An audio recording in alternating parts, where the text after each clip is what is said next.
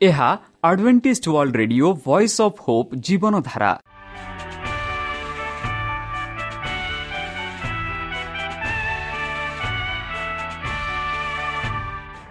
Odia radio କାର୍ଯ୍ୟକ୍ରମ ଯାହା ଆମର ଆନ୍ତର୍ଜାତୀୟ ଆଘାତ କେନ୍ଦ୍ରରୁ ପ୍ରସାରଣ କରାଯାଉଛି ପ୍ରତିଦିନ ରାତି ନଅଟା ତିରିଶ ମିନିଟ୍ରେ। ମୁଁ ସୁବ୍ରତ କୁମାର ପତି ପ୍ରେମର ସହ ଆପଣମାନଙ୍କୁ ଏହି କାର୍ଯ୍ୟକ୍ରମକୁ ସ୍ୱାଗତ କରୁଅଛି। ଚାଲନ୍ତୁ ଆଜିର ତିରିଶ ମିନିଟ୍ର କାର୍ଯ୍ୟକ୍ରମ ବିଷୟରେ ଜାଣିନେବା।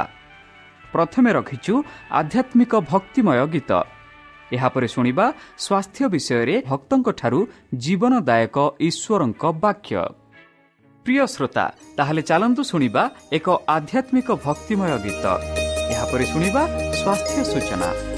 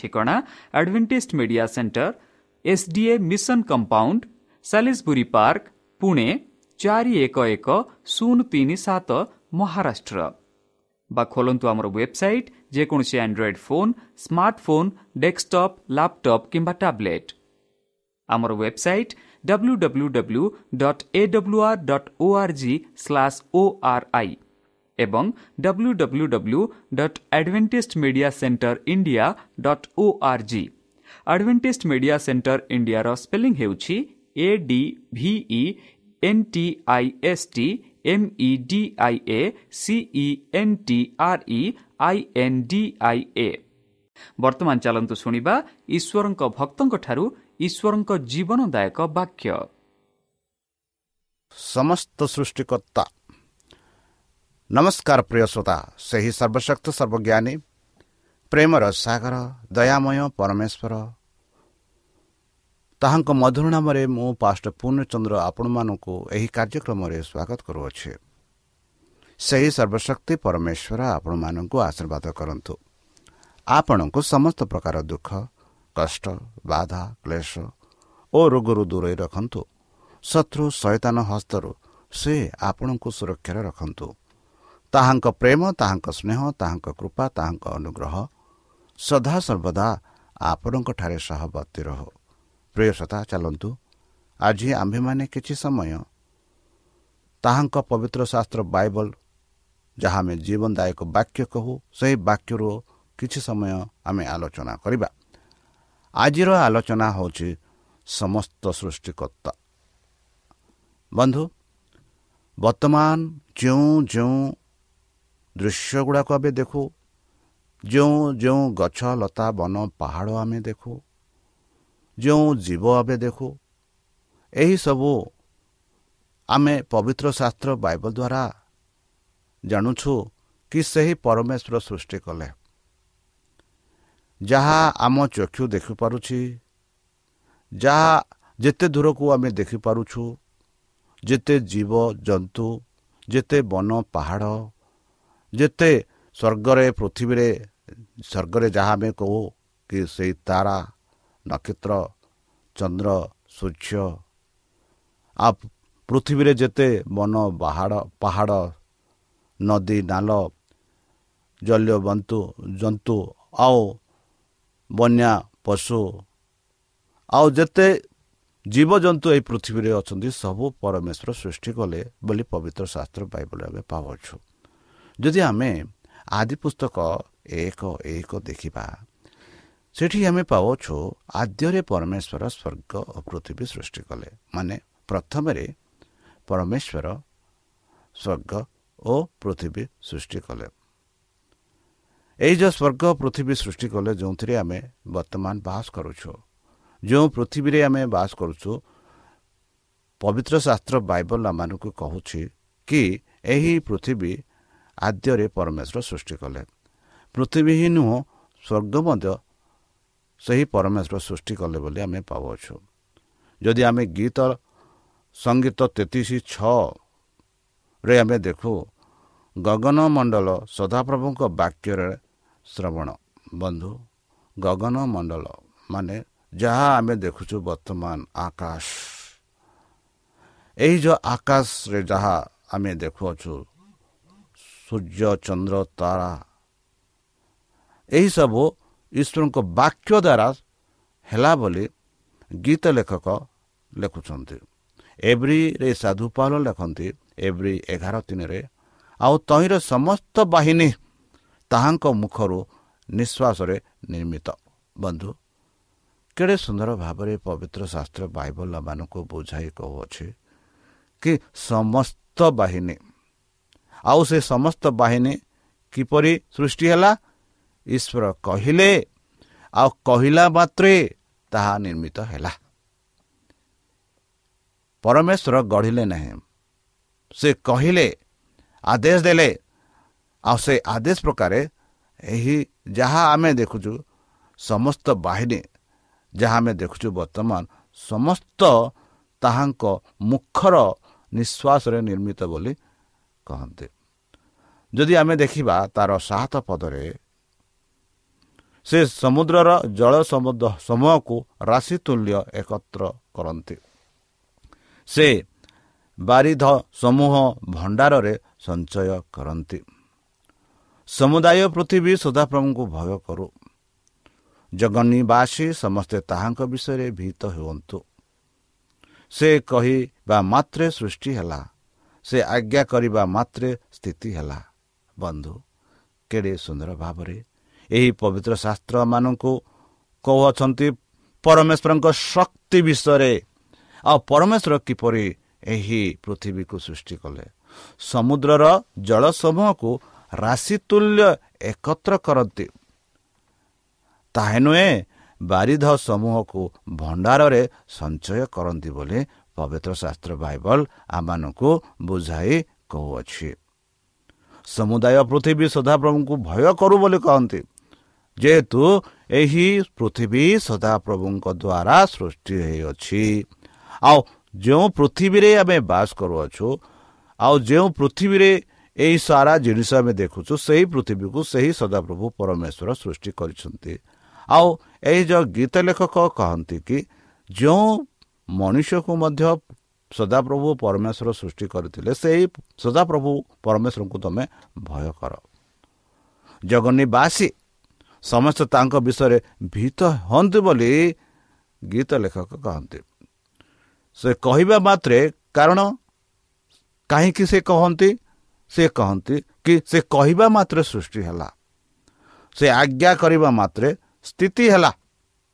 ବନ୍ଧୁ ଯାହା ଯାହା ଆମେ ଦେଖୁ ବର୍ତ୍ତମାନ ଆମ ଘର ଚାରିପଟେ ଦେଖୁ ଆମ ସାହି ଚାରିପଟେ ଦେଖୁ ଆମ ସହର ଚାରିପଟେ ଦେଖୁ ଆମ ଗାଁ ଚାରିପଟେ ଦେଖୁ ବିଭିନ୍ନ ପ୍ରକାର ଗଛ ଲତା ବନ ପାହାଡ଼ ଆମ ସାହି ମଧ୍ୟରେ ଦେଖୁ ଯଦି ଆମେ ପାହାଡ଼ ମଧ୍ୟରେ ଯାଉ ଯଦି ଆମେ ନଦୀ ମଧ୍ୟସ୍ଥ ଯାଉ ଆମେ ଅନେକ ପ୍ରକାର ପଶୁ ଦେଖୁ ଜୀବଜନ୍ତୁ ଦେଖୁ ଏହିସବୁ ସଦାପ୍ରଭୁଙ୍କ ଦ୍ୱାରା ସୃଷ୍ଟି ଅଛି ସୃଷ୍ଟି ହୋଇଛି। ଯେବେ ସଦାପ୍ରଭୁ କହିଲେ ତାହା ସୃଷ୍ଟି ହେଲା। ଯେବେ ସଦାପ୍ରଭୁ ଆଜ୍ଞା ଦେଲେ ତାହା ସ୍ଥିତି ହେଲା ବୋଲି ଗୀତ ଲେଖକ ଷଷ୍ଠ ରୂପରେ ଆମମାନଙ୍କୁ କହୁଛନ୍ତି କି ସେ ହେଉଛନ୍ତି ଆମର ସମସ୍ତର ସୃଷ୍ଟିକର୍ତ୍ତା। ଗୀତ ଲେଖକ ଏକଶହ ଚାରି ପାଞ୍ଚରେ ଆଉ ଥରେ ସେ କହନ୍ତି ତୁମେ ପୃଥିବୀର ମୂଳ ଏପରି ସ୍ଥାପନ କରିଅଛ ଯେ ତାହା କଦାପି ବିଚଳିତ ହେବ ନାହିଁ। ବନ୍ଧୁ ପୃଥିବୀର ମୂଳ ଯାହା ଆମେ ମୂଳ ଦ୍ୱାରା କହୁଛୁ। ପୃଥିବୀର ମୂଳ ସେହି ପରମେଶ୍ୱର ସ୍ଥାପିତ କରିଛନ୍ତି। ଏହି କାରଣରୁ ଏବେ ଦେଖ ଆଦ୍ୟରେ ପରମେଶ୍ୱର ସ୍ୱର୍ଗ ପୃଥିବୀ ସୃଷ୍ଟି କଲେ ବୋଲି।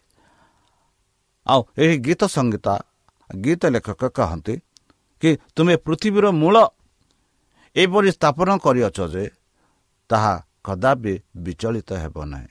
ବନ୍ଧୁ ଆମେ ଅନେକ ଭୂକମ୍ପ ଦେଖୁଛୁ ଝୋଡ଼ ତମ୍ପାରେ ଦେଖୁଛୁ। ମାତ୍ର ଏହାଦ୍ୱାରା ପୃଥିବୀର କିଛି ବିଚଳିତ ହେବ ହେଉନାହିଁ କାରଣ ସଦାପ୍ରଭୁ ଏହି ପୃଥିବୀକୁ ଏକ ସ୍ଥିତିରେ ରଖିଛନ୍ତି। ଆଉ ଏହା ସଦାପ୍ରଭୁଙ୍କ ଦ୍ୱାରା ସୃଷ୍ଟି ହୋଇଛି। ଆଉ ଯେତେବେଳେ ସଦାପ୍ରଭୁ କହନ୍ତି କି ଏହି ପୃଥିବୀ ବିନଷ୍ଟ ହୋଇଯାଉ ତେବେ ହିଁ ପୃଥିବୀ ବିନଷ୍ଟ ହେବ।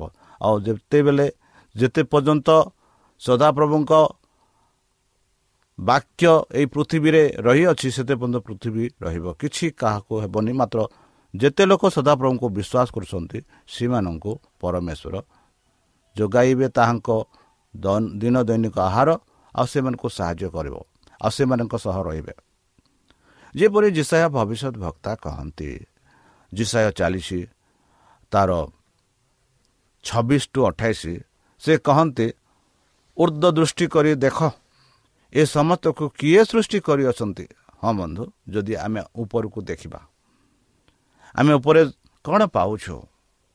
ସହସ୍ର ସହସ୍ର କୋଟି କୋଟି ନକ୍ଷତ୍ର ଯାହା ଆମ ଆଖିରୁ ବହୁ ଦୂରେ ଅଛି। ଆମେ ଦେଖୁ ସୂର୍ଯ୍ୟ ଚନ୍ଦ୍ର ଆକାଶ ଗଙ୍ଗା। ଏହିସବୁ କିଏ ସୃଷ୍ଟି କରିଛନ୍ତି? ସେହି ପରମେଶ୍ୱର ସୃଷ୍ଟି କରିଛନ୍ତି। ତାହାଙ୍କ ଦ୍ୱାରା ସୃଷ୍ଟି ହୋଇଛି। ସେ କହନ୍ତି ସୈନ୍ୟ ସମୂହର ନ୍ୟାୟ ସଂଖ୍ୟାନୁସାରେ ସେମାନଙ୍କୁ ବାହାର କରି ଆଣନ୍ତି। ସେ ସମସ୍ତର ନାମ ଧରି ସେମାନଙ୍କୁ ଡାକନ୍ତି। ତାହାଙ୍କ ପରାକ୍ରମର ମହାତ୍ମା ଦ୍ୱାରା ଓ ସେ ଶକ୍ତିରେ ପ୍ରବଳ ହେବା ସକାଶୁ ସେମାନଙ୍କର ଗୌରବ ହେଁ ଅନୁପସ୍ଥିତ ହୁଏ ନାହିଁ। ତୁମ୍ଭେ କି ଜାଣ ନାହିଁ ତୁମ୍ଭେ କି ଶୁଣିନାହୁଁ? ପୃଥିବୀର ପ୍ରାନ୍ତ ସକଳର ସୃଷ୍ଟିକର୍ତ୍ତା ଅନାଦି ଅନ ପରମେଶ୍ୱର ସଦାପ୍ରଭୁ ହୁଅନ୍ତି ନାହିଁ ଶୁଅନ୍ତି ନାହିଁ ହୁଅନ୍ତି ନାହିଁ ତାଙ୍କର ବୁଦ୍ଧିବୋଧର ଅଗମ୍ୟ ବନ୍ଧୁ। କେଡ଼େ ସୁନ୍ଦର ଭାବରେ ଗୀତ ଲେଖକ କହିଥିଲେ ଆଉ କେଡ଼େ ସୁନ୍ଦର ଭାବରେ ଯିଶା ଭବିଷ୍ୟତ ବକ୍ତା ଆମମାନଙ୍କୁ କହୁଛନ୍ତି କି ସଦାପ୍ରଭୁ ଏକ ପରାକ୍ରମର ମହାତ୍ମ। ଆଉ ସେ କହନ୍ତି ଆମେ ବେଲେ ବେଲେ ସମସ୍ତଙ୍କର ନାମ ବା ସମସ୍ତ ଗଛର ନାମ ବା ସମସ୍ତ ପକ୍ଷୀର ନାମ ବା ସମସ୍ତ ପଶୁର ନାମ ଆମେ ଜାଣିନାହୁଁ। ବା ସମସ୍ତ ମାଛର ନାମ ଆମେ ଜାଣିନାହୁଁ। ସମସ୍ତ କୀଟ ପତ ବିଷୟରେ ଆମେ ଜାଣିନାହୁଁ। ମାତ୍ର ସଦାପ୍ରଭୁ ଏଠି ଏହି ବାକ୍ୟ ଦ୍ୱାରା ଆମେ ଜାଣିପାରୁଛୁ ଯେ ସଦାପ୍ରଭୁ ସମସ୍ତଙ୍କର ନାମ ଜାଣିଛନ୍ତି। ଆମେ ଯଦି ଆମେ ଆକାଶକୁ ଦେଖିବା ଯାହା ଆମେ ଆକାଶ ଗଙ୍ଗା କହୁଛୁ ସେଥିରେ ସହସ୍ର ସହସ୍ର କୋଟି କୋଟି କୋଟି କୋଟି ତାରା ଅଛି।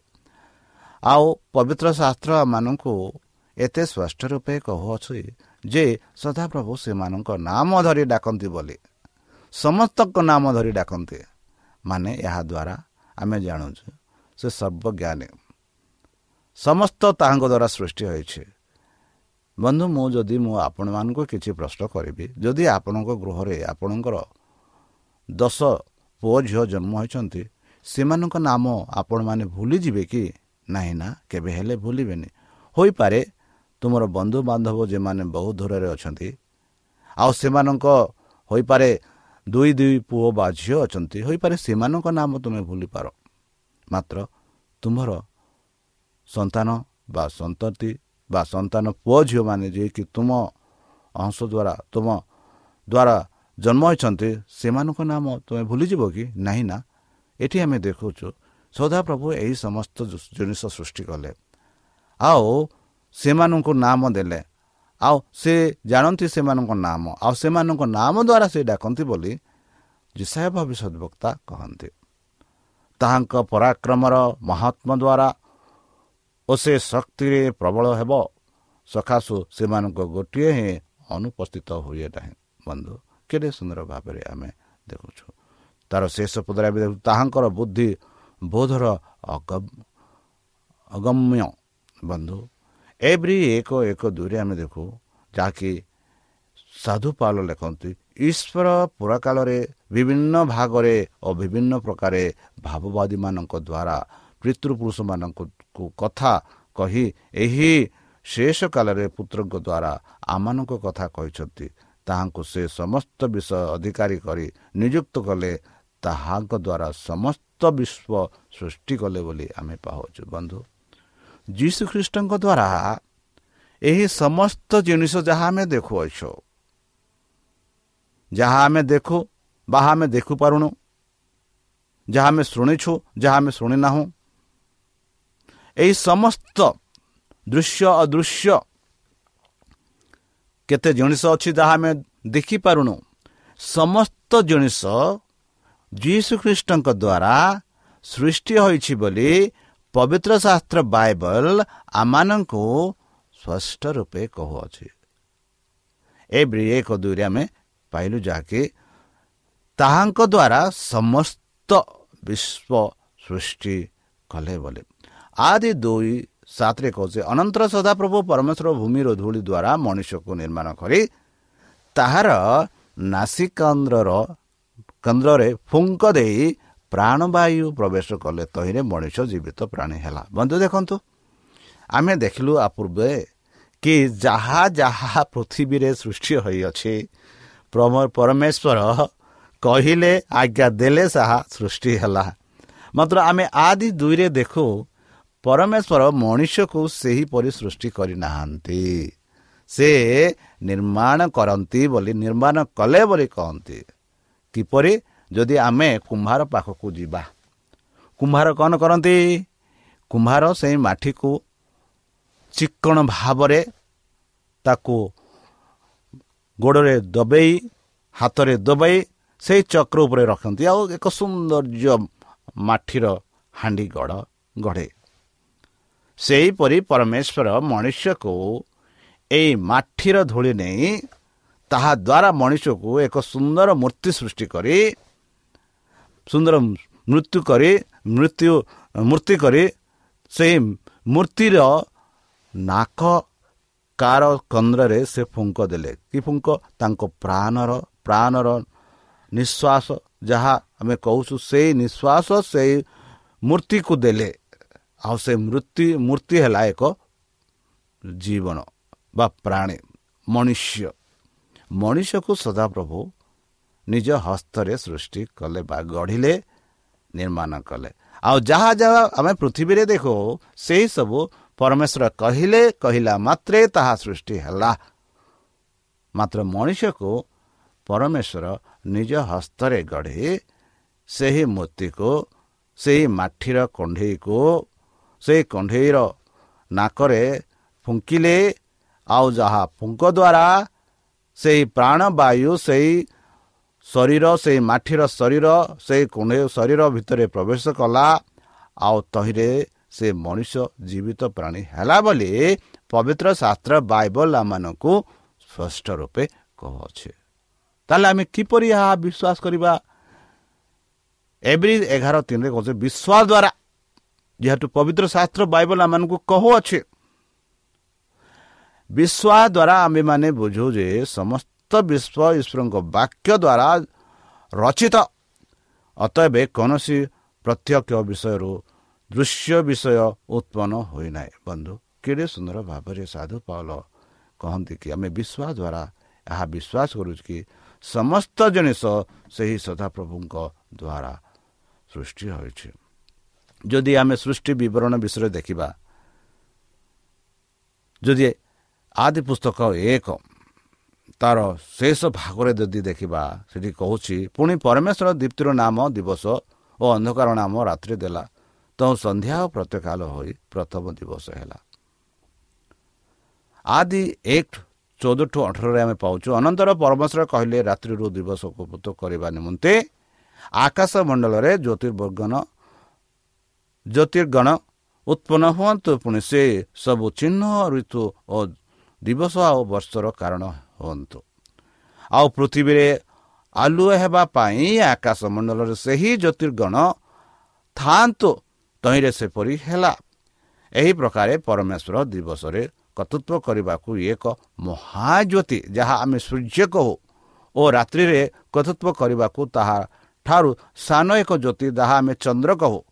ଏହି ଦୁଇ ମହାଜ୍ୟୋତି ଆଉ ମଧ୍ୟ ତାରାଗଣ ଯାହା ଆମେ ତାରା କହୁ ନିର୍ମାଣ କଲେ ତହୁଁ ପୃଥିବୀରେ ଦୀପ୍ତି ହେବା ପାଇଁ ଓ ଦିବା ଓ ରାତ୍ରି ଉପରେ କର୍ତ୍ତୃତ୍ୱ କରିବା ପାଇଁ। ଦେଖନ୍ତୁ ଯାହା ସୂର୍ଯ୍ୟ ଚନ୍ଦ୍ର ଆମେ ଦେଖୁଛୁ ଦିନ ରାତି ପାଇଁ ସେ ସୃଷ୍ଟି କରିଥିଲେ ବୋଲି ଆମେ ଦେଖୁଛୁ। ଆଉ ଦୀପ୍ତିକୁ ଅନ୍ଧକାରର ପୃଥକ କରିବା ପାଇଁ ପରମେଶ୍ୱର ଆକାଶ ମଣ୍ଡଳର ସେହି ଜ୍ୟୋତିର୍ଗଣ ସ୍ଥାପନ କଲେ। ଆଉ ପରମେଶ୍ୱର ଏହି ସମସ୍ତ ଉତ୍ତମ ଦେଖିଲେ।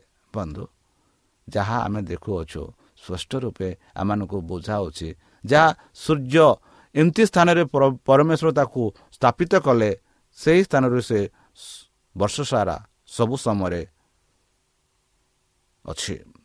ଆଉ ସେ ଚନ୍ଦ୍ର ଯେଉଁ ସ୍ଥାନରେ ପରମେଶ୍ୱର ସ୍ଥାପିତ କଲେ ସେହି ଚନ୍ଦ୍ର ସେହି ସ୍ଥାନରେ ଅଛି। ଯେହେତୁ ପରମେଶ୍ୱର ଏହାକୁ ସ୍ଥାପିତ କଲେ ଯେହେତୁ ପରମେଶ୍ୱର ଏହା ଏହି ଜ୍ୟୋତିକୁ ସୃଷ୍ଟି କଲେ ଯାହା ଆମେ ସୂର୍ଯ୍ୟ ଚନ୍ଦ୍ର କହୁ। ବନ୍ଧୁ ଏଥି କାରଣ ଯିଶାୟ ଭବିଷ୍ୟତ କହନ୍ତି ପଇଁଚାଳିଶ ଅଠରରେ କାରଣ ଆକାଶ ମଣ୍ଡଳର ସୃଷ୍ଟିକର୍ତ୍ତା ସଦାପ୍ରଭୁ ଏ ରୂପ କହନ୍ତି ସେ ପରମେଶ୍ୱର ଅଟନ୍ତି ସେ ପୃଥିବୀ କି ନିର୍ମାଣ କରି ପ୍ରସ୍ତୁତ କଲେ ସେ ତାହାଙ୍କ ସ୍ଥାପନ କଲେ ସେ ତାହା ଶୂନ୍ୟ କରି ଶୂନ୍ୟ ସୃଷ୍ଟି ନ କରି ବଶିଷ୍ଠ ସ୍ଥାନ ହେବା ପାଇଁ ନିର୍ମାଣ କଲେ ଆମେ ସଦାପ୍ରଭୁ ଆଉ ଦ୍ୱିତୀୟ କେହି ନାହିଁ ବନ୍ଧୁ। ସେହି ସଦାପ୍ରଭୁ ଏହି ପୃଥିବୀକୁ ସୃଷ୍ଟି କଲେ। ସେହି ପରମେଶ୍ୱର ଆମମାନଙ୍କ ପାଇଁ ଏହି ପୃଥିବୀ ସୃଷ୍ଟି କଲେ ଆଉ ସେହି ପରମେଶ୍ୱର ଆମମାନଙ୍କୁ ଆପଣା ହସ୍ତରେ ସୃଷ୍ଟି କଲେ। କେଡ଼େ ସୁନ୍ଦର ପରମେଶ୍ୱର। ଯିଏକି ପରମେଶ୍ୱର ଆମମାନଙ୍କୁ ତାଙ୍କ ହସ୍ତରେ ସୃଷ୍ଟି କରିଛନ୍ତି। ତାହା କାରଣରୁ ପରମେଶ୍ୱର ଆମ ପାଇଁ ପୃଥିବୀକୁ ଆସିଲେ ଆମ ପାଇଁ ମରଣ କଲେ ଯେପରିକି ଆମେ ଯେଉଁ ସ୍ୱର୍ଗ ଆମ ପାଇଁ ସୃଷ୍ଟି କରିଛନ୍ତି ଯେଉଁ ସ୍ୱର୍ଗରେ ପରମେଶ୍ୱର ଅଛନ୍ତି ସେ ସ୍ୱର୍ଗକୁ ଆମେ ଯାଇପାରିବା। ତାହେଲେ ତାହେଲେ ପ୍ରିୟସତା ଚାଲନ୍ତୁ ନିଜକୁ ସମର୍ପଣ କରି ତାହାଙ୍କ ମଧୁର ନାମରେ ଆମେ ପ୍ରାର୍ଥନା ଅର୍ପଣ କରିବା। ହେ ଆମ୍ଭମାନଙ୍କ ପରମେଶ୍ୱର ଧନ୍ୟବାଦ ଅର୍ପଣ କରୁଛୁ। ବର୍ତ୍ତମାନ ଯେଉଁ ବାକ୍ୟ ତୁମ ଭକ୍ତଙ୍କ ଦ୍ୱାରା ଶୁଣାଇଲେ ସେହି ବାକ୍ୟ ଅନୁସାରେ ଆମମାନଙ୍କୁ ଚାଲିବା ପାଇଁ ବୁଦ୍ଧିରେ ଜ୍ଞାନରେ ଶକ୍ତିରେ ପରିପୂର୍ଣ୍ଣ କର। ଆମ ପାପ ସବୁ ତୁମ ସେହି ବହୁମୂଲ୍ୟ ରକ୍ତରେ ପରିଷ୍କାର କରି ଧୋଇଦିଅ। ଧନ୍ୟବାଦ ଅର୍ପଣ କରୁଛୁ ପ୍ରଭୁ ଯେହେତୁ ଆମମାନଙ୍କୁ ତୁମ ସେହି ନିଜ ହସ୍ତରେ ସୃଷ୍ଟି କରିଅଛ। ତୁମ ସେହି ନିଜ ପ୍ରାଣବାୟୁ ଆମମାନଙ୍କୁ ଦେଇଅଛ। ସେ ଧନ୍ୟବାଦ ଅର୍ପଣ କରୁଛୁ। ଆମ ପାପ ସବୁ ତୁମ ସେହି ବହୁମୂଲ୍ୟ ରକ୍ତରେ ପରିଷ୍କାର କରି ଧୋଇଦିଅ। ଆଉ ପରିଶେଷ ଯେବେ ତୁମେ ତୁମ ସେହି ସହସ୍ର ଦୂତଙ୍କ ସହ ଆସିବେ ହେ ପରମେଶ୍ୱର ସେତେବେଳେ ଆମମାନଙ୍କୁ ଏକ ସୁଯୋଗ ଦିଅ ବୋଲି ତ୍ରାଣକର୍ତ୍ତା ପରମେଶ୍ୱରଙ୍କ ମଧୁରମୟ ନାମରେ ଏହି ଛୋଟ ଭିକ୍ଷା ମାଗୁଛୁ ଶୁଣି ଗ୍ରହଣ କରନ୍ତୁ। ଆମେନ୍। ଶ୍ରୋତା ଆମେ ଆଶା କରୁଛୁ ଯେ ଆମର କାର୍ଯ୍ୟକ୍ରମ ଆପଣମାନଙ୍କୁ ପସନ୍ଦ ଲାଗୁଥିବ। ଆପଣଙ୍କର ମତାମତ ଜଣାଇବା ପାଇଁ ଆମର ଏହି ଠିକଣାରେ ଯୋଗାଯୋଗ କରନ୍ତୁ। ଆମ ଠିକଣା advantage media centre SDA mission compound Salisbury park Pune ଚାରି ଏକ ଏକ ଶୂନ ତିନି ସାତ ମହାରାଷ୍ଟ୍ର ବା ଖୋଲନ୍ତୁ ଆମର ୱେବସାଇଟ୍ ଯେକୌଣସି android phone smartphone desktop laptop କିମ୍ବା ଟ୍ୟାବ୍ଲେଟ୍ ଆମର website W W W dot A W R dot O R G slash O R I ଏବଂ W W W dot advantage media centre India dot O R G advantage media centre ଇଣ୍ଡିଆର spelling ହେଉଛି A D V E N T I S T M E D I A C E N T R E I N D I A ଅଥବା download କରନ୍ତୁ ଆମର mobile app ଆପଣଙ୍କର mobile play ଷ୍ଟୋର୍କୁ ଯାଆନ୍ତୁ ଆଉ type କରନ୍ତୁ the voice of hope ଆଉ download କରନ୍ତୁ। ଈଶ୍ୱର ଆପଣଙ୍କୁ ଆଶୀର୍ବାଦ କରନ୍ତୁ। ଧନ୍ୟବାଦ।